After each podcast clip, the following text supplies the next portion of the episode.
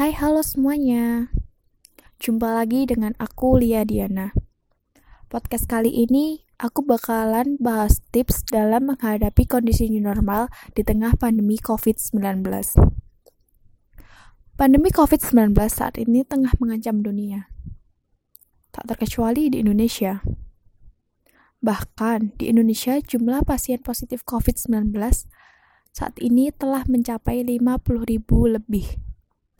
Namun, kita juga harus tetap optimis, karena jumlah pasien yang sembuh pun juga terus meningkat. Saat ini, masyarakat Indonesia sedang menjalani kondisi new normal, di mana semua hal yang berkaitan dengan aktivitas di luar rumah kembali dilakukan seperti semula. Meski begitu, hal ini masih menjadi kekhawatiran tersendiri bagi masyarakat Indonesia. Karena wabah COVID-19 sampai saat ini pun masih belum mereda. Kita semua wajib menjaga kondisi kesehatan. Tetap menerapkan physical distancing sampai COVID-19 benar-benar menghilang. Nah, oleh karena itu, aku bakalan share tips penting yang harus diperhatikan dalam menghadapi kondisi new normal di tengah pandemi COVID-19.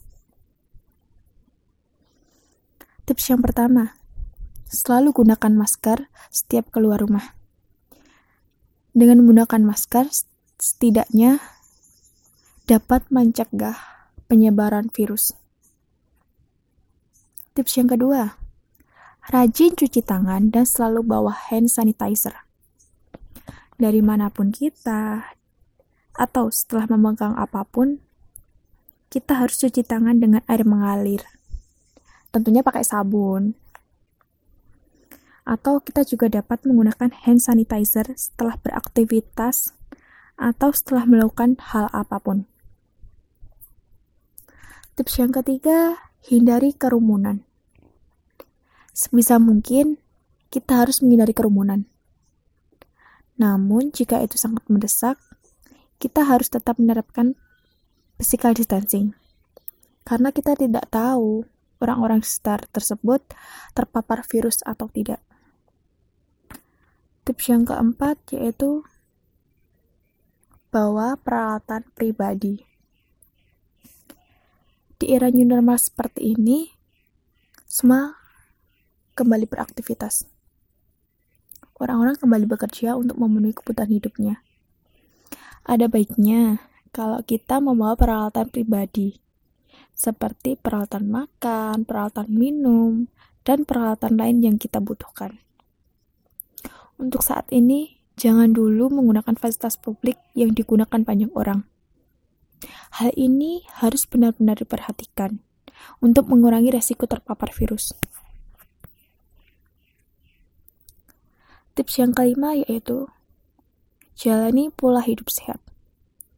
Ini adalah poin yang sangat penting.